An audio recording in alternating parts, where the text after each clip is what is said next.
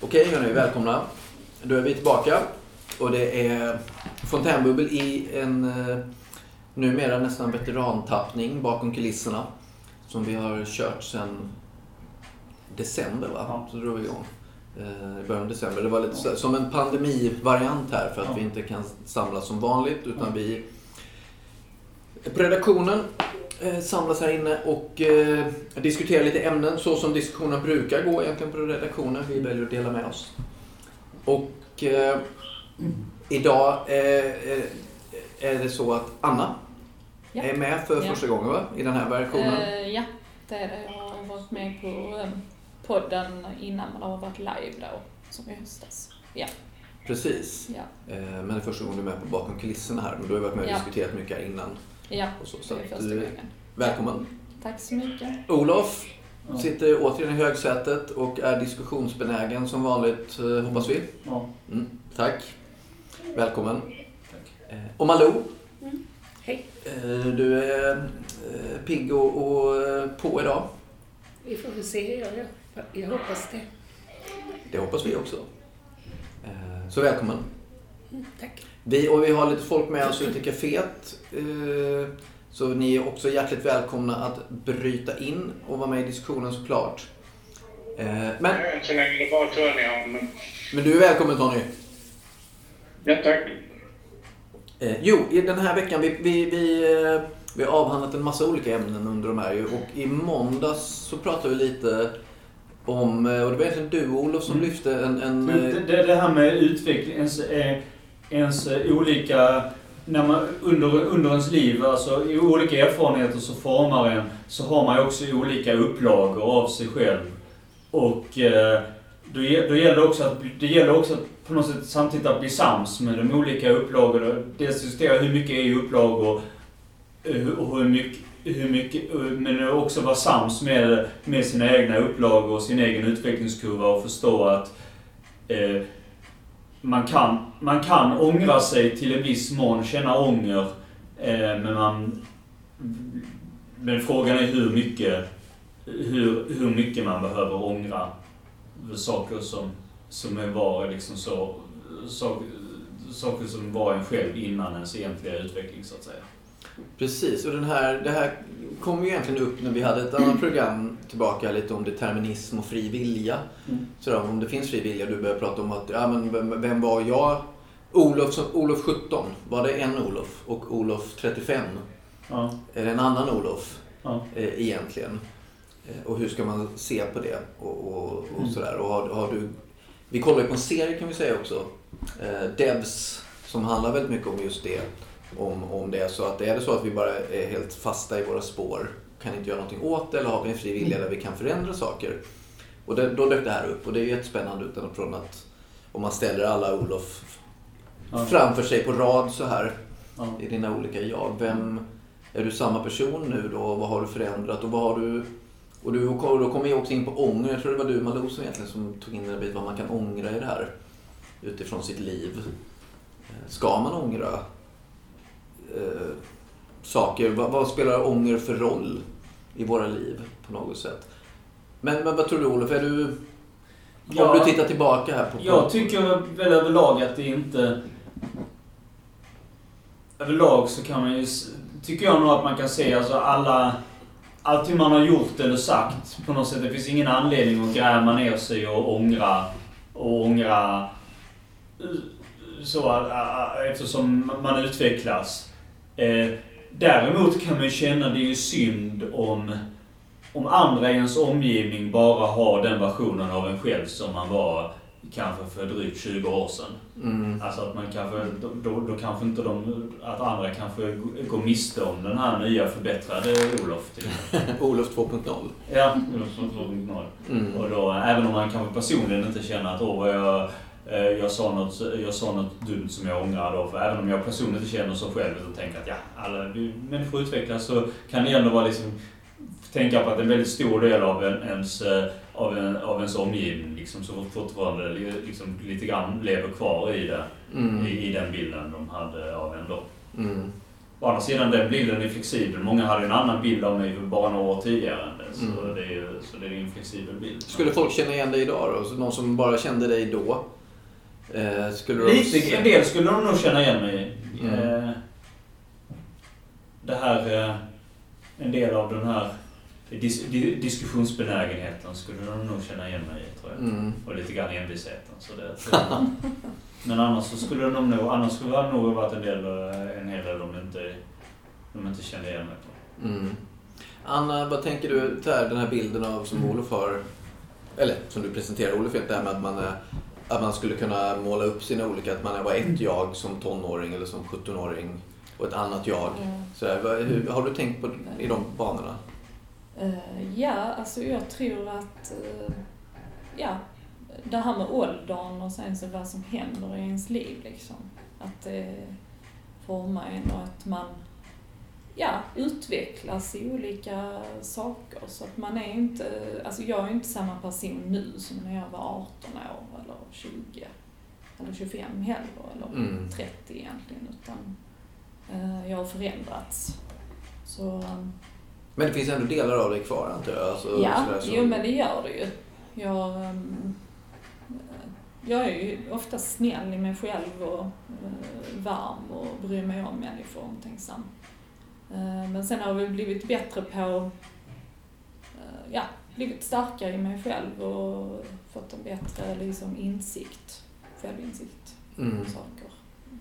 Ehm, eh, Jag kan mer se liksom, alltså nu har jag lättare för att se saker som, man har, som jag har gjort som liksom jag har, har tänkt ibland liksom, oh, varför gjorde jag så, varför, sånt som jag ångrar mig egentligen ju. Mm. Men nu har jag liksom mer accepterat det, att just då var det så här att jag gjorde det här beslutet eller sa de här sakerna och då var det liksom rätt för mig. Mm.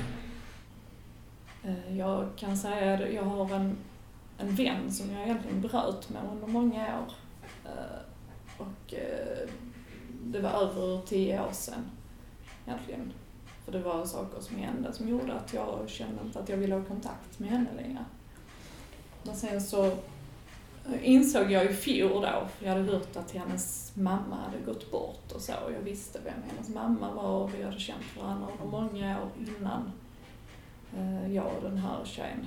Och, eh, så jag skrev faktiskt, för jag hittade henne på Facebook, så jag skrev Mm. till henne att jag var ledsen för att det hade blivit som det blev, att vi miste vår vänskap och så. Att jag Mm. ville säga, ja, säga förlåt för det och jag beklagar det här med hennes mamma.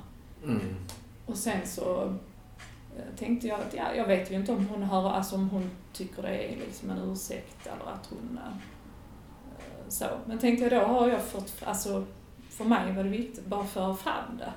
Att hon visste det liksom. Mm. Och sen hörde inte hon av sig så jag tänkte hon vill nog inte höra av mig. Men så var det så konstigt. Sen hörde hon av sig nu för någon vecka sedan. Mm. På Messenger då. Mm. Så nu har vi börjat att skriva till varandra och vi har liksom förlåtit varandra Mm. för det som har varit. Mm. Så det, ja, det känns helt omtumlande men fantastiskt för det är någonting som har som jag ändå har känt en sorg i att man bröt kontakt när man har gjort så mycket genom åren och känt varandra och så. Mm. Ja, det är väl jättestort att kunna jättestort. koppla tillbaka där liksom. Ja, Eh, Och då slår det mig, nu hälsar vi Peter välkommen också som dök in här. Ja. Eh, Och eh, ja, men jag kommer att tänka lite på det här med ånger just som du var inne på. Eller att man, du var en person då och det hände saker mm. och ni bröt. Eller kanske du som bröt aktivt. Mm. Och så tittar man tillbaka. Då kommer jag att jag såg en intervju med eh, eller på Skavlan tror jag. Kommer du ihåg Martin Skibby hette han va? Som var en av de här journalisterna som blev kidnappade. Och satt i fångenskap i något, var det i Marocko eller något afrikanskt land. Eh, I alla fall så var det en intervju med honom och så var Örjan Ramberg där också, eh, skådisen som ju också, eh, ni kommer ihåg hela grejen med Josefin Nilsson och det här. Som, ja. och han har ju en historia av, av, av kvinnomisshandel och, och alkohol och allt där. Och då sa Martin Skibby, så pratade de om ånger. Och Martin Skibby sa då att Nej, men jag tycker inte att man ska ångra saker i sitt liv. Det man har gjort har man gjort. Liksom. Man får lära sig av det. Mm. Var på en Ramberg som vanligtvis tycker jag inte att han är så rolig. Men han sa att men, eh, Ja, det kan man säga när man är yngre. Jag skulle nog säga att det finns saker att ångra. Eh, att det finns en stor vikt vid ånger. Mm. Någonstans. Och då tänker jag Malou. Ja, jag, jag undrar om det inte finns en konstruktiv ånger och en destruktiv ånger. Det känns Mm. lite så. Hur tänker det du då? du berättar, Mm. var, där ledde ju ångern till något konstruktivt. Ja. Du tog kontakt och nu Ja. har ni en, en ny vänskap och där ni Ja. kanske har lärt er någonting av det som hände innan. Ja. Att ni Det- får en chans att börja på en ny kula. Ja. Men destruktiv ånger kan jag tänka mig att man fastnar i någonting dåligt och man gör ingenting för att förändra eller förbättra utan man bara går omkring och mår dåligt Ja. och kanske mår sämre och sämre. Så det beror nog lite på en själv Mm. om man tar lärdom Ja. eller inte. Ja. Och det var ju någonting som jag bara insåg efter x antal år att bara liksom att nej, men jag lägger min stolt, alltså det här Mm. att jag tyckte det var hennes fel att det liksom så. Mm. Mm. Kanske ska jag ta bort det här ur inspelningen, men vad är temat? Ja, när man kom, kommer in så här sent så får man stå och tänka, du Peter, skulle inte du kunna flytta lite närmare här istället? Om du tar en, en obekväm stol. Eller tar fram den bekväma. Det handlar om hur man ska förhålla sig till olika skeden, alltså de olika, de olika upplagorna man har gått igenom i sitt liv. Alltså den här som format en till den man är. Alltså hur mycket man ska ta avstånd. Ah. Hur mycket Och ånger. ånger och hur... Man kan väl säga Peter att det här kommer ur att Olof väckte frågan när vi pratade om fri vilja och determinism och sådär. Att man är så att man kan rada upp sig själv egentligen som Peter 14 Mm. är en upplaga. Ja. Peter 35 är en annan upplaga. Är det samma person? Mm. Och, och eh, hur förhåller man sig egentligen till sina gamla upplagor? Eh, och, och då kommer vi in på ånger som ett ämne också. Att hur ångrar man? Alltså vad spelar det för roll i våra liv? Okej. Och där var vi nu. Och Anna berättade precis om att du hade återknutit kontakten här med någon som du bröt med. Eh, och, och det händer ju saker med när man blir äldre också, tänker jag. Mm. När man tittar tillbaka på, Precis. på sig själv. Malou, hur tänker du på det här med upplagor nu, som Olof började med? Kan du se att när du tittar tillbaka på Malou 18, vem var du då? Jag var nog en rätt annorlunda person. Mm. Jag tror att jag har uppdaterat mig och uppdaterat mig. Och förhoppningsvis har det blivit en bättre och nyare version hela tiden. Mm. Så ser jag på det. Mm. Och att jag i viss mån i alla fall har tagit lärdom. Men sen är det klart, när man utvecklas så är det kanske mycket bra som försvinner också. Hur tänker du då alltså? Ja, typ. Jag var en väldigt osäker person. Nu är jag kanske inte jättesäker, men betydligt säkrare. Men det där med att man, man kanske var lite ödmjukare när man var lite mer försynt, Mm. till exempel. Och att en del av den här lyhördheten har kanske försvunnit på vägen. Det är mycket möjligt. Mm. Det är lite svårt att säga eller att se sig själv så och se vad, vad har blivit bättre och vad har blivit sämre. Mm. Det känns väldigt länge sedan jag var 18 så det känns lite svårt att Mm. liksom minnas det. Men känner du igen dig själv som 18-åring nu? Om du liksom tittar tillbaka? Jo, det tror jag. Och det är ju lite det, det snackade vi om också häromdagen. Det finns ju en länk mellan de olika åldrarna och genom att vi har ett minne. Att man Mm. kanske till viss del kan gå tillbaks och komma ihåg lite vad som hände och vem man var då och varför. Och Mm. Sen är det ju spännande med minne. Det finns ju en, SVT Play har en tv-serie med Anders Hansen heter den va? Hjärnstark och det, han gör, han gör något så här populärvetenskapligt och då var det ett program om minne just hur hur minnet lurar oss dagligen. Att det vi minns är kanske inte exakt det vi minns. Utan att vi, det är ett sätt för oss att förstå och sätta ihop vår, vår verklighet. Och han tog ett exempel på han och hans kompis när de... Eh, när 9-11 hände. Och han minns exakt hur han och hans kompis satt i, i där de pluggade då till läkare. Och, och hur det kom in en man och berättade det. Och de satt vid det här bordet och den här mannen stod upp i mitten och berättade det. Och sen intervjuade han sin kompis då som eh, berättade, nej nej, jag var inte ens där.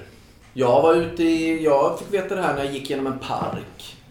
Eh, sådär. Och han bara, men men jag, jag vet ju att vi satt där. Så, ja, men, det är lite en, en parentes där, men minne och ens upplagor. Tänk om ens minne inte uppgraderas i, i takt med eller i sam, på samma sätt som ens person. Eller en, ens vardagsperson uppgraderas på något vis. Men minnet lurar oss ju ofta. Mm. Jag känner det till och från att jag är lurad. Alltså att det, det, är vissa, det, det är vissa bilder, det är vissa dagar man minns på ett helt annat sätt. Eh, som, eh, som går någon dag när jag var, när jag, när, när jag var liksom, och dagar, dagar, på, dagar på mellanstadiet, eller sådär, man, minns på ett, man minns att det var på ett visst sätt och man var, man var i en viss man var i en viss miljö de dagarna och sen så visade det sig att det var man, det var man inte alls. Det var inte alls den här bilden som man hade då, liksom när man tänker på Mm. hur hur det, hur det förhöll sig. Kan ge mer, man kan ge, jag kan ge mer praktiska exempel om jag vill, men tills vidare så kan jag ju säga att det är mycket är ju eh, det är ju, det är ju svårt att hålla reda på. Det är, minnet är ju ett helt det, det är ett helt schema liksom, vad man, vad man går igenom. Alltså, alla, liksom, går så, det händer så mycket under tiden man växer upp. Det är så många dagar att hålla reda på. Så, så man, man kan inte lägga alla dagar och veckor rätt liksom, så när man träffar den här personen. Och, Mm. när man gjorde, liksom, det, det får man lägga till och justera i efterhand. Men justerar vi också bilden av oss själva då? Tänker jag. Om vi pratar upplagor så här, Ja. Olof 18. Ja, där måste man ofta ha lite hjälp från andra. Hur Mm. de upplever, alltså i ett perspektiv från andra, hur de upplever det. Kan, det där kan det vara bra att hjälpa till och om det är när man själv minns så är det ofta bra. Mm. Eh, och, eh, men jag känner, nog, jag känner nog mig ganska säker på eh, hur, eh, hur jag själv generellt eh, fungerade vid en viss tid. Men sen, sen är det ju... Sen är det, sen är det väl väldigt olika, tror jag. Hur... Eh, hur, hur olika personer upplever Alltså Jag, det var som jag pratade med mamma Matilda här, verksamhetschefen. Hon säger många kloka, hon har alltid väldigt många kloka så här tankar. När jag berättade om det här med att vi skulle, det vi skulle prata om idag så sa hon att det handlar ju om att olika det man, det man pratar om som upplag eller det man skäms över till, det har ju...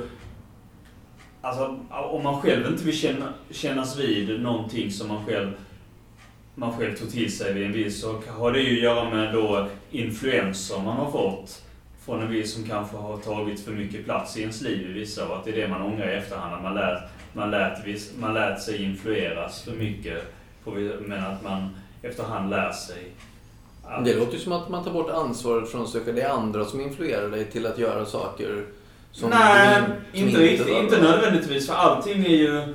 Allting påverkar... Alltså när, när, man lägger, när man lägger olika personligheter, när man utvecklas, så är det ju ofta influenser utifrån som gör att som gör att man blir på ett visst sätt, att man agerar på ett visst sätt. Alltså det är, man, man tar intryck från någonstans ifrån. Det, det handlar inte om att frånsäga sig ansvar, tycker jag. Mm.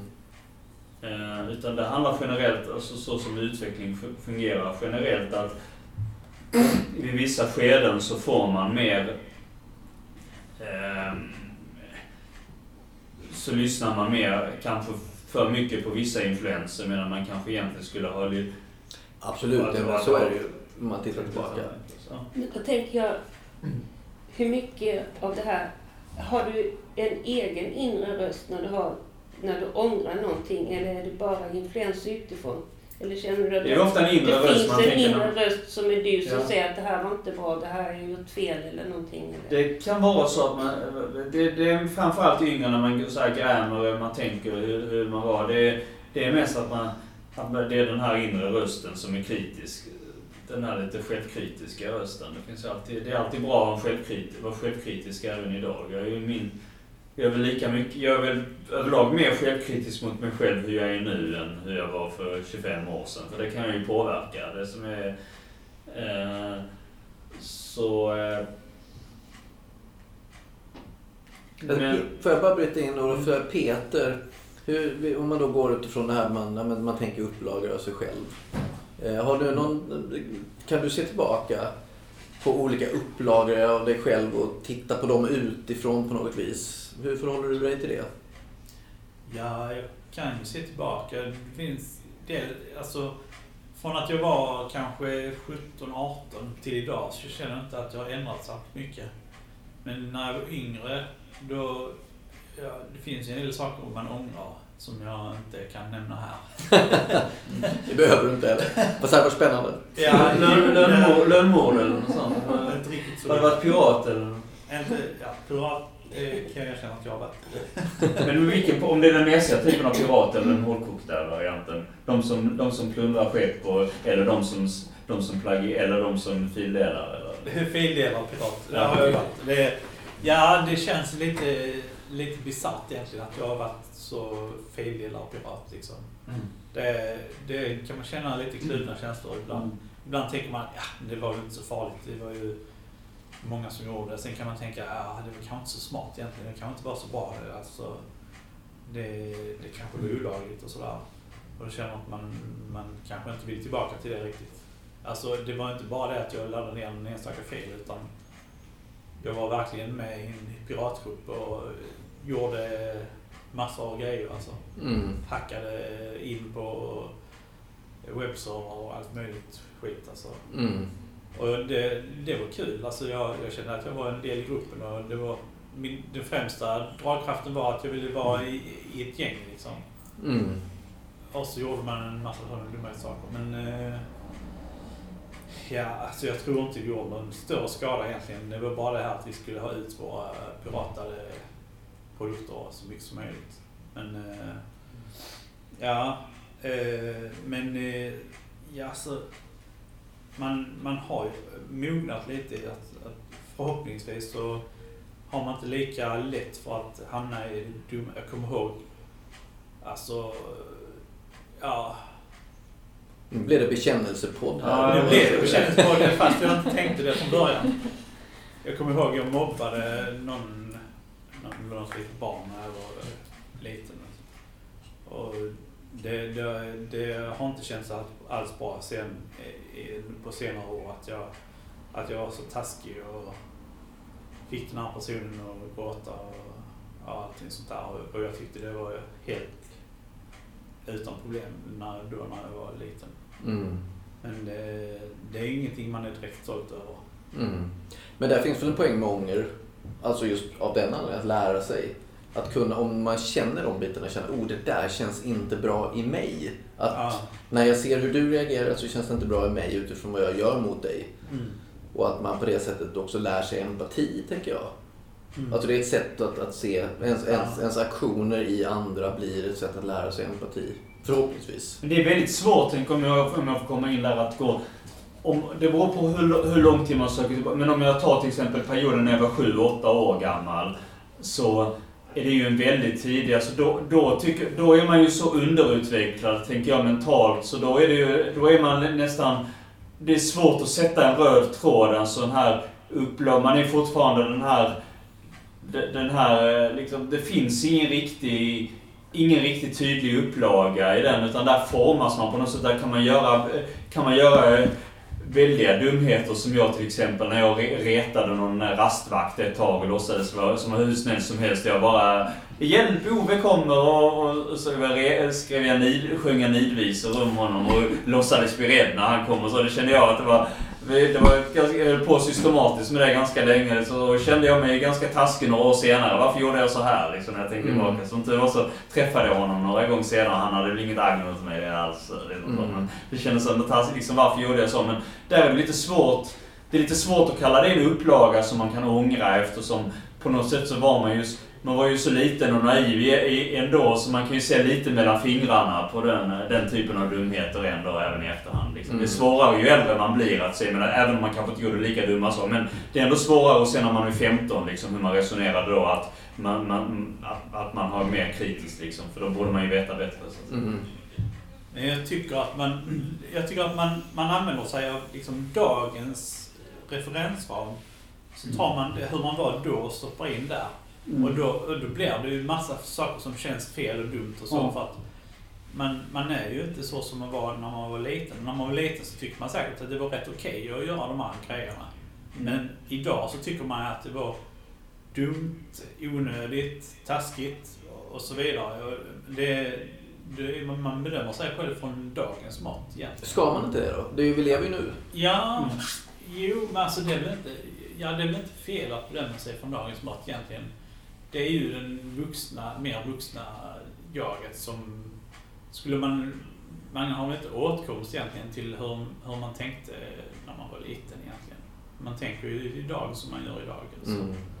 Nej, nej, och det innebär väl kanske, man kan ju inte döma, det beror på vad man har gjort såklart, men det är svårt att döma sig själv som sjuåring idag. Mm. Alltså på något Mm. sätt utifrån att det gud. Och, och då tänker jag lite, kan man, för där finns ju en, en baksida, alltså ånger om man då tänker att man lär en som en lärdom, men man kan ju fastna också i ånger och skuld.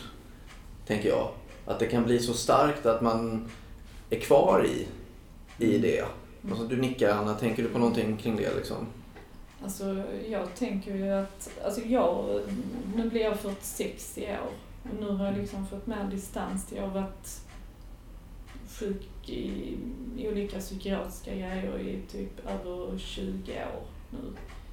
Och så har, man, har jag haft långa sjukdomsperioder. Och eh, mycket av dem, det har, det har liksom blivit som hål i ens, liksom, eh, eh, vad som har hänt. Så det, det är nästan inte för nu jag liksom kan sammankoppla liksom mina år. För att vissa delar är borta och sen vissa, eh, ja, hur det egentligen blev och hur, hur, hur det funkar och hur jag var och varför det blev så liksom mer. Mm. Eh, Så att, eh, och sen som sagt, jag har mer blivit så att jag kan känna mer att ja, nej men det blev inte bra men jag, jag, jag, jag liksom förlåter mig själv för det. Eller Mm, men satt du fast i det innan då tänkte du? Att nu, du kan se Ja, jag har nu? haft perioder när det egentligen det har, eh, att jag har fastnat i det. Mm. med liksom skuld och allt samvete och liksom var, varför gjorde jag så och varför. Men, eh, men som sagt, och sen blir det ju till exempel, har man haft, jag har ju haft jättemånga depressioner och då försvinner liksom Alltså minnet, alltså det är väl dels att man vill förtränga vad som har hänt och sen är det hela sjukdoms, så, att det försvinner Mm. delar av det. Mm. Och det, det förändrar ens personlighet också när man blir deprimerad ju. Ehm, Mm. Så att eh, man blir inte som man egentligen är som person. Nej, precis. Det är intressant om man talar om just de här olika jagen och olika Nej. uppgraderingar. Kan man nedgradera sig? Jag menar, en- jag menar inte att det är det man gör när man mår dåligt så, men, men på ett sätt så blir det ju en annan väg Ja. än, Mm. än den hade tagit. Mm. Eh, Till viss del blir man ju en annan person liksom. Och det var väl det kanske jag har haft lite ibland känt en sorg att man kanske, man blev ju en annan person när man mådde så dåligt att man inte kunde vara den man var egentligen liksom. Mm. Så att, eh, men som sagt, nu med åren så har det... Och det var det som gjorde att jag då kunde ta kontakt med hon, den här tjejen. För att Mm. det, var, ja, det var rätt tid för det på något sätt. Mm. Att det bara föll sig så. Mm. Men jag hade inte gjort det för fem år sedan. hade jag inte gjort det. Mm. Så att, eh, Sen tänker jag också på gamla vänner som man haft. Det var en, en, en, en tjej som jag var så bullis med på högstadiet. Och jag var väl kär i henne också och så, men det blev aldrig någonting så. Men nu, nu förra året så fick jag kontakt med henne igen. Och till vissa delar så var det liksom ett glatt återseende så. Men man märker ju hur hon har utvecklats väldigt mycket och jag har utvecklats på mitt håll så att vi känner inte varandra längre. Mm. Och det, var, det var lite som att träffa en person på nytt alltså. Och jag visste inte riktigt hur jag skulle bete mig. Jag tänkte jag ska... När jag var liten så pratade jag kanske inte så mycket. Jag hade mer lite tramsiga saker för mig. Eh, och så nu när jag är mer vuxen då så kan jag prata på ett mer känslomässigt och kanske mer intelligent sätt. Så verkar det inte riktigt som att det, det gick hem riktigt. Mm. Och hon tänkte, hon mindes mig på ett helt annat sätt. Så att vi, vi har liksom inte riktigt hittat varandra nu. Mm. När vi, alltså jag har försökt att prata lite med henne och och sådär. Men det, det verkar inte som att det klaffar riktigt. Så, Nej, och det här, du ska få komma in Olof, jag bara tänker att det är ju lite som en, en, en, ett annat alternativ till, till det du berättade om, att man knyter tillbaka en kontakt igen och sen så Mm. funkar det. Liksom, att man känner igen varandra. Men det kan ju faktiskt vara så också att man plötsligt, va? Vem är du? Nej men alltså den här upplagan har förvandlats till en annan, eller man alltså, för man förändras ju såklart. Mm. Men det blir intressant kanske utifrån att man inte kan se sig själv riktigt tillbaka ibland som ung. Vem var jag egentligen då för minnet ljuger? Men en annan person som man var med då. De har också, jag börjar tänka att de förändras ju också så på ett sätt så speglar man ju också förändringen i sig själv. Mm. Kanske på ett visst sätt även om man inte kan ha koll på det. Jag vet inte. Förlåt jag börjar snurra till där. Olof? Nej men där, det, där finns ju exempel. Eh, där, där finns ju, det Peter säger kan det ibland, det kan ibland vara så att det är väldigt många år, att det är som kan uppstå sån skillnad. Men ibland så när man, när man växer upp så kan, ju det, kan det ju bli en så, så stor förändring på bara ett par år. Hur man, hur man möter vissa, vissa till exempel klasskompisar när jag började skolan. Det var till exempel en tjej då på rasterna. Ibland så hade vi liksom ettan och tvåan kunde vi, kunde vi ju ofta så här, att vi liksom så här kunde tra, äh, tramsa på lika villkor eller sådär. När vi, hade liksom, eh, vi, vi kunde skratta åt samma saker och och tramsa, tramsa rätt så friskt. Sen, eh, sen försvann hon i, i trean eller att hon åkte på någon hon, hon flyttade för tillfället, jag vet inte, det hade kanske hänt någonting. Men sen, sen kom hon tillbaka i slutet av och då var, då var det nästan som vanligt under de två åren där. Men sedan under fyran och femman så blev hon på något sätt mycket vuxnare, den här ordentliga typen liksom så. Och vi var inte alls på samma på lika liksom sådär. Och, och, då, och det, så det är precis så, så, men det, så det händer nog ofta mer i barndomen, sådär att många utvecklas åt olika håll. på något sätt. Mm. Ja, precis. Nej, men det är väl klart att man tittar tillbaka som vuxen på sig själv som barn Mm. så, Ja. så är man ju... Det, det är klart, då har det hänt jättemycket. Men hur är, vad tror du Malou med, med vuxenskapet då? Tänker, förändras man? eh, mm, Alltså så här, när man blir äldre så är Malou idag kontra Malou som 30-åring. Jag tror man förändras mer än vad man tror. Mm. Jag har funderat över det många gånger, eller funderat över det många gånger förr också. Man hörde äldre människor som sa att ja, men jag är fortfarande samma lilla flicka eller jag är samma lilla pojk. De upplevde det så. Men omgivningen upplevde dem inte som små flickor eller små pojkar. Mm. Utan vi kanske lurar oss själva lite. Någon bit finns kvar. Men den kanske finns rätt långt in. Man kanske vågade ge uttryck för den här barnsligheten kanske lite mer när man var yngre till exempel. Och den där barnsligheten finns kvar men det långt in. Mm. Ja, jag kan inte förklara Ja, men det är riktigt. intressant i det här det du säger, att vi kanske lurar oss själva. Vi, vi kanske förändras mycket mer. Jag tänker, Peter du kanske lurar dig själv här. Nej men tänker, för du sa ju att jag har inte ändrat mycket sen jag var... Jag säger inte att du säger det som en liten provokation bara så här, men alltså att... eh, Kan det vara så att, att du tänker att du inte har ändrats någonting? Eller väldigt lite sen du var 20. Eh, men egentligen så är, har du ändrats väldigt mycket.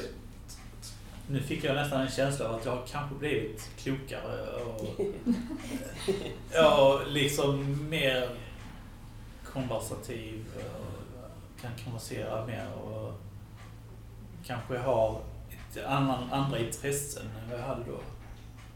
Eh, Så att nu när du säger det börjar jag känna att jag börjar bli annorlunda. Ja, men det är intressant när man bara blir konversativ. För, för att om man... Och Olof var inne på det här hur vi, jag menar, att man, man eh, influeras av andra. Mm. Och om man då öppnar upp och, har, och kan prata med människor eller vara mer med människor. Skulle det då innebära att man, föränd, att man förändras mer? Än om man är inbunden och håller sig, eller inbunden men inte det på något negativt sätt, men att man håller sig för sig själv liksom. Förändras man mer då? Om man då blir konversativ som du säger. Jag tror det alltså. För att Mm. eh, ju mer man kommunicerar med andra desto mer inflytande får de över en. Oh, det låter lite så här mindfucks liksom. Mm. Ja, men jag, tror, alltså, jag tror det, för att när man kommer i kontakt med andra människor då börjar man uppleva liksom, hur tänker de och då kan man tänka helt annorlunda än vad du gör. Och då Mm. börjar man fundera, men vilket, vilket, är det min gamla inställning som är den rätta eller är det den här personens nya inställning som är den rätta? Och ofta kanske man hamnar någonstans mitt emellan de båda sakerna. Så att man förändras till viss del. Mm. Ja, jag tror det gör att man måste värdera, omvärdera och reflektera. För man kan inte bara konversera. Utan man, om man konverserar så måste man ju lyssna också. Så att det, jag tror det. Men det, det är som, när, det är som för, för att dra paralleller till mitt liv också så var det ju en, det var som, en lärare jag hade under gymnasieåren. Eh, då som, och när vi, när vi pratade då i olika, det var, jag hade honom bland, jag hade bland annat samhällskunskap.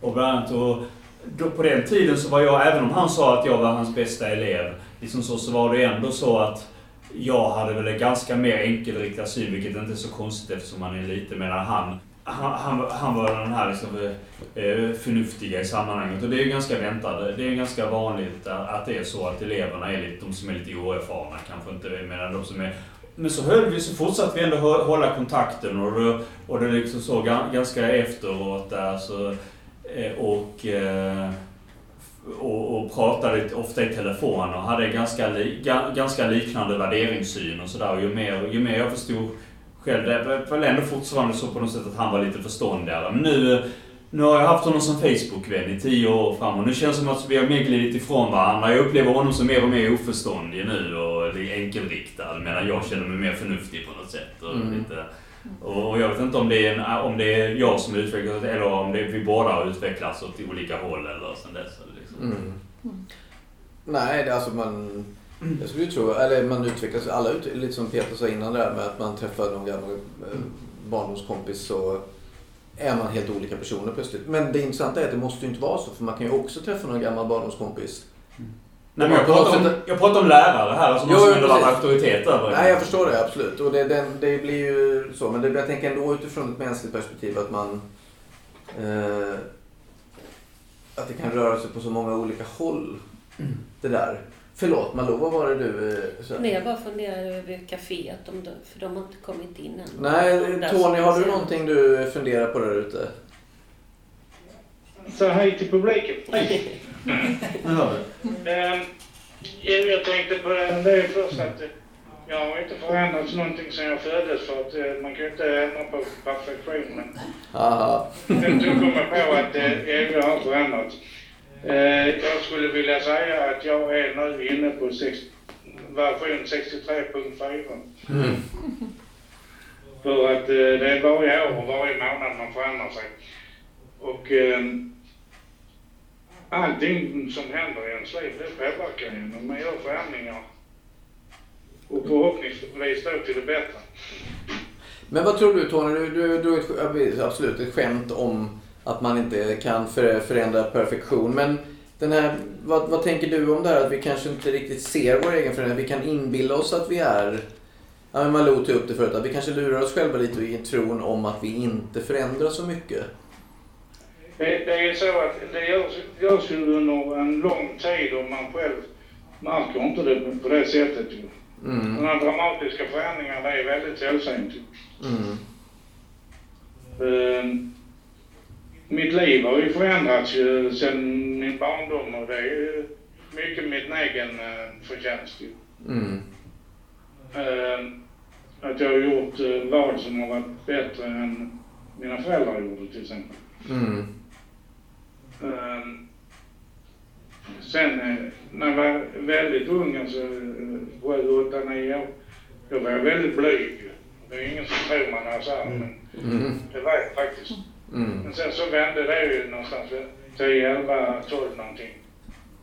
Att jag började ta för mig mer. Mm. Och vad det berodde på, det var ju, jag kan inte komma på någon direkt anledning. Utan det var väl bara att jag bestämde mig att nej, jag ska ta plats här i livet. Mm.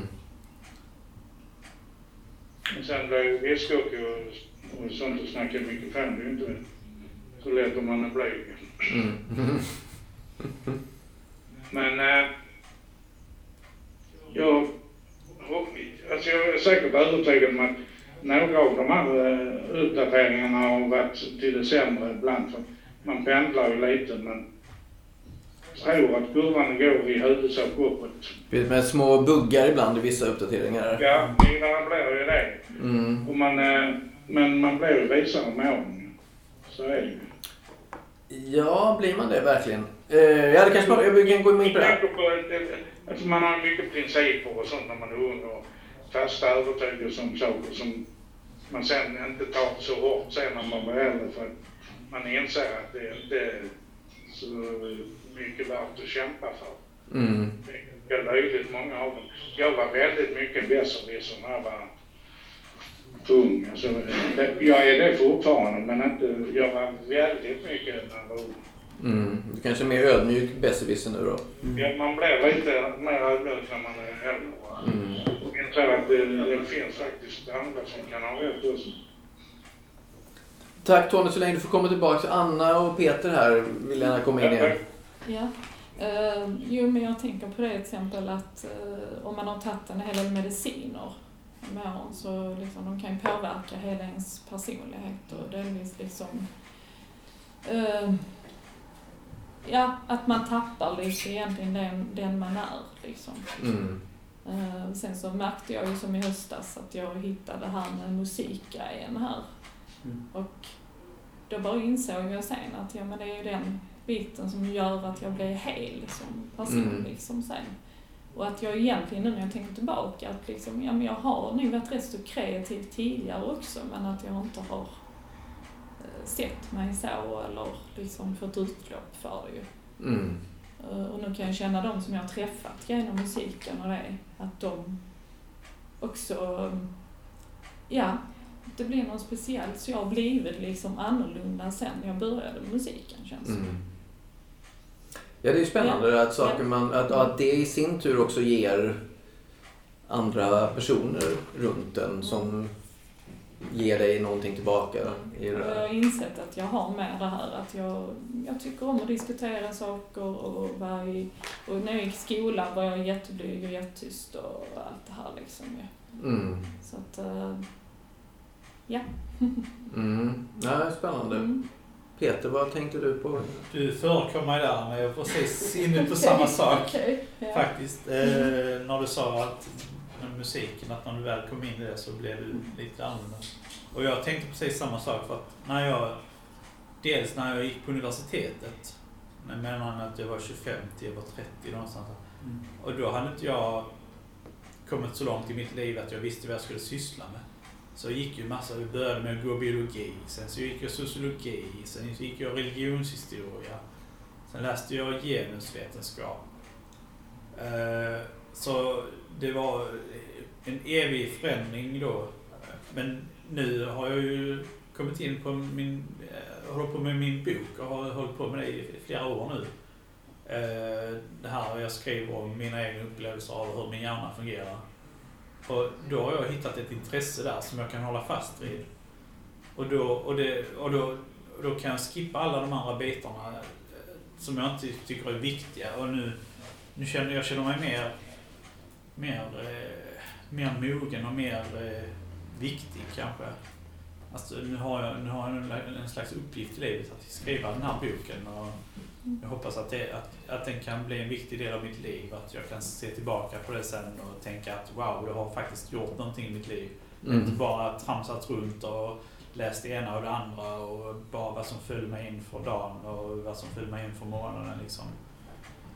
Och, och det, även, även, även när jag hade min sjukdomsperiod, eh, faktiskt nio år från 2005 till 2014, då hade jag många inläggningar och sånt. Och det, det var ingen reda med någonting. Jag städade inte hemma, jag skötte inte mig. Jag var ute och vandrade på stan, reste runt, ge, levde på socialbidrag men kunde ändå ta in på hotell och sen hade jag inte någon pengar till mat. Och, alltså det var ju rena kaoset där i ett antal år. Men sen var det det att jag fick medicin också. Eller att jag, egentligen att jag accepterade att ta medicin. Istället för att bara sluta med medicinen så fort jag kunde så har jag accepterat att jag kanske behöver medicin. Mm. Och det har också förändrat mig att nu, nu har jag inte de här psykoserna, psykoserna längre som, som jag hade då. Eh, Så det är mycket, alltså det är mycket saker runt omkring egentligen Mm. som också styr hur man blir som person. Alltså, hade jag inte accepterat mediciner så hade jag nog varit en helt kaosartad person alltså, idag, det tror jag. Mm. Jag hade säkert inte suttit här, det tror jag inte. Nej. Nej, det är en spännande tanke det, det ni är inne på lite kring de här. Alltså, till viss del då det här med, med sjukdom och medicinering och sådana saker. Vem blir man utifrån det? För det tänker jag kan vara dubbelt. Att man är eh, utifrån arbetet till exempel i Fontänhuset som jag kan, kan inbilla mig i alla fall att det finns en dubbelhet i det. Att dels den där sorgen som du pratar om. I att, men vem skulle jag... Det här är inte riktigt jag. Mm. Alltså jag är också en annan. Som, som utan mediciner, utan, för då var jag en annan. Mm. Eh, och också givetvis en överlevnad i att shit, jag, jag kunde acceptera det här så att jag eh, kunde, jag, jag kan sitta här liksom. Och jag, jag, det var bra. Men att det finns en glipa ibland där att man, att det jag kan förstå det, att det skulle finnas en frustration också någonstans i att fan, vem skulle jag ha blivit annars liksom? På något sätt. Ja, det, det, nu när vi är inne på det här med medicin så började jag ju ta den medicinen jag tar, tar nu när jag var 14 och ett halvt, drygt nästan 15.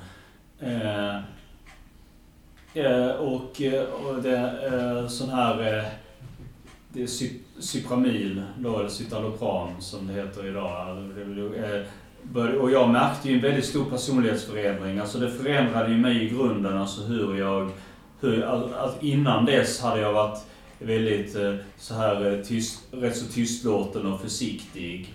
Eh, det, det blev väl mer också på något sätt att ju, ju mindre man hade ju mindre glöd man hade och ju, ju mindre man hade att säga på något sätt desto mer desto mer jag, kom jag att hamna lite grann i bakgrunden då liksom så här, jag hade ju varit i, jag hade ju varit i fokus på något sätt. Jag hade, jag var väldigt så, jag var jag var rätt så ren i sinnet och väldigt så här snäll när jag var 11, 12, 13 på något sätt. Men det, blev, det gjorde också att jag blev lite dörrmatta för, för, eh, för många i min klass. Men det, det ändå, man var ändå en i sällskapet och liksom folk, och folk ändå eh, accepterade en som man var. Man, man kunde ändå ha, man behövde inte bli ensam. Sen märkte jag att jag blev mer och mer ensam efter ett tag. Att det blev eh, under då eh, sjuan, åttan, sjunde, åttonde sen tog jag den medicinen och då fick jag sån här plötsligt plötsligt på något sätt att jag började prata, började liksom nästan pladdra, kunde, kunde inte hålla tyst på något Mm. sätt. Mm. Och, eh,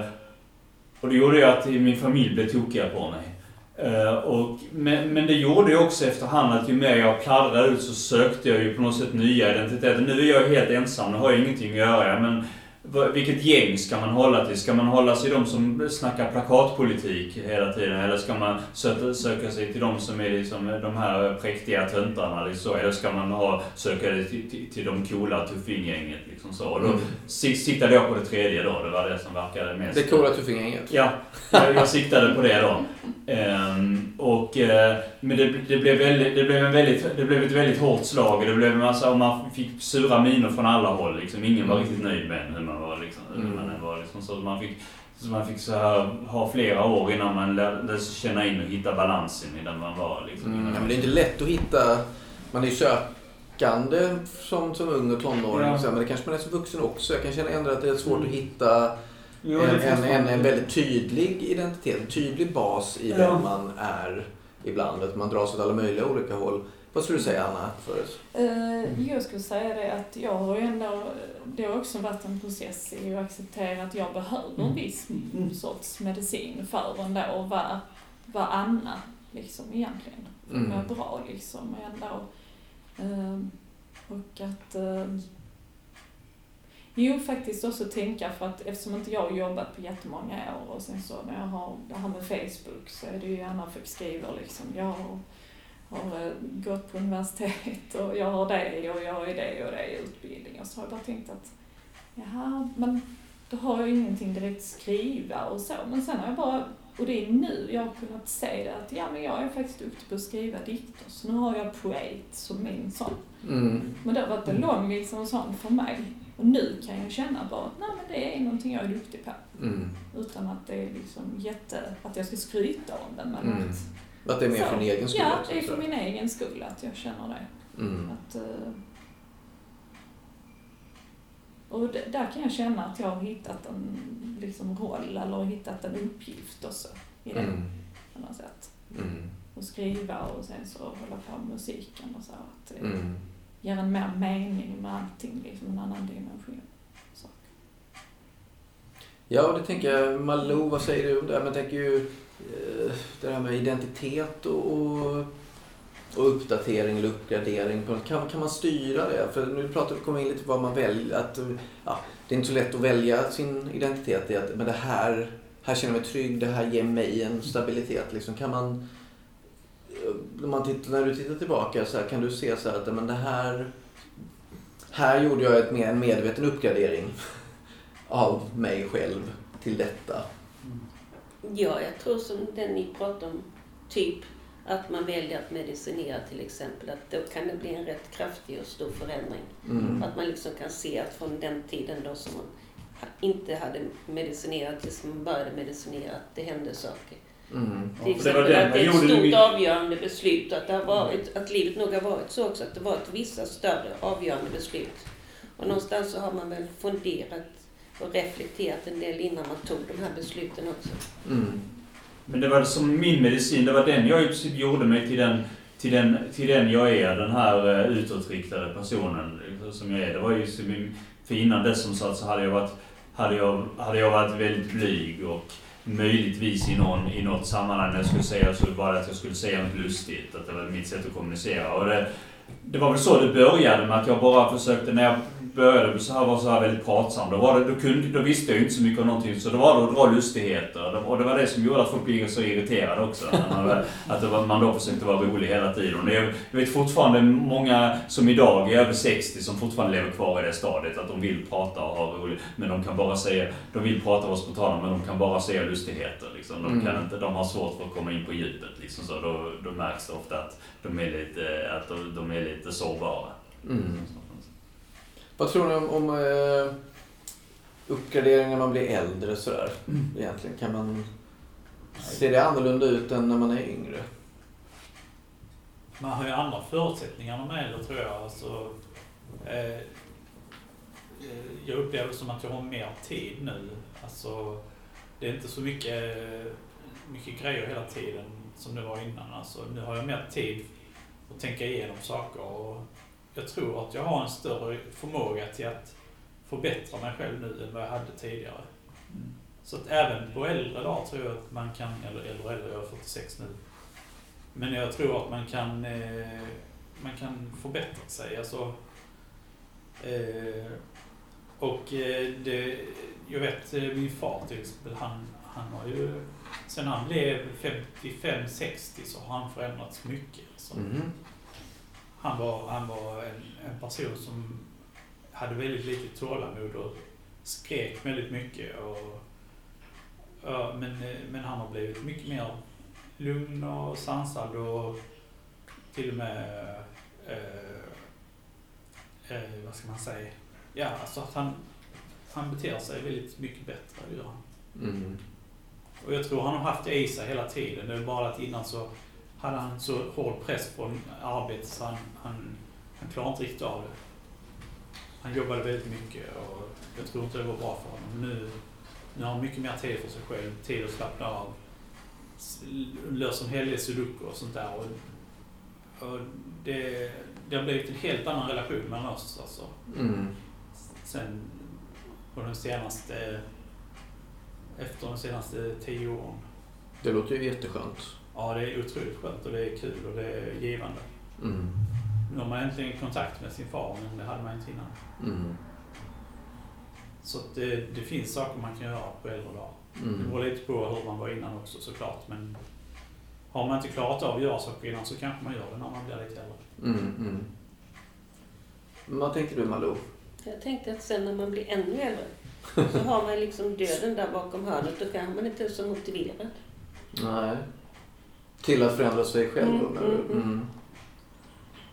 Nej, vad skulle vara en motivation till att, till att uppgradera sig då? Nej, jag tror att det för många kan bli tvärtom. Att en del blir lite divor också. Mm. Det är väl lite så. För de behöver inte bry sig så mycket Nej. längre.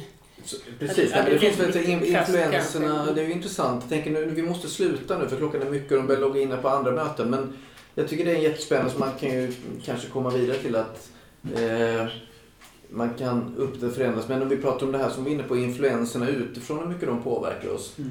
Så kan man ju tänka sig att de blir färre Ja. när man blir äldre äldre. Mm. Alltså att man inte tar lika stor del av, av världen och influenserna och då blir man kanske mer eh, i sig själv på något sätt. Om, nu, om man kallar det diva eller vad vi kallar det. Men att, att Ja, lite. mm, En motivation man kan behålla är, är att eh, jag har ju sen jag började skolan bestämt mig för att jag ska lära mig något nytt varje dag. Och det gäller fortfarande. mm. Men det är som ett aktivt val där. Har man den inställningen så har man inte tid att dö. Nej. Nej, det är helt sant. Hörrni, det är väl ett bra slutord. Ja. Men då har vi inte tid att dö om man vill uppgradera sig och fortsätta med det.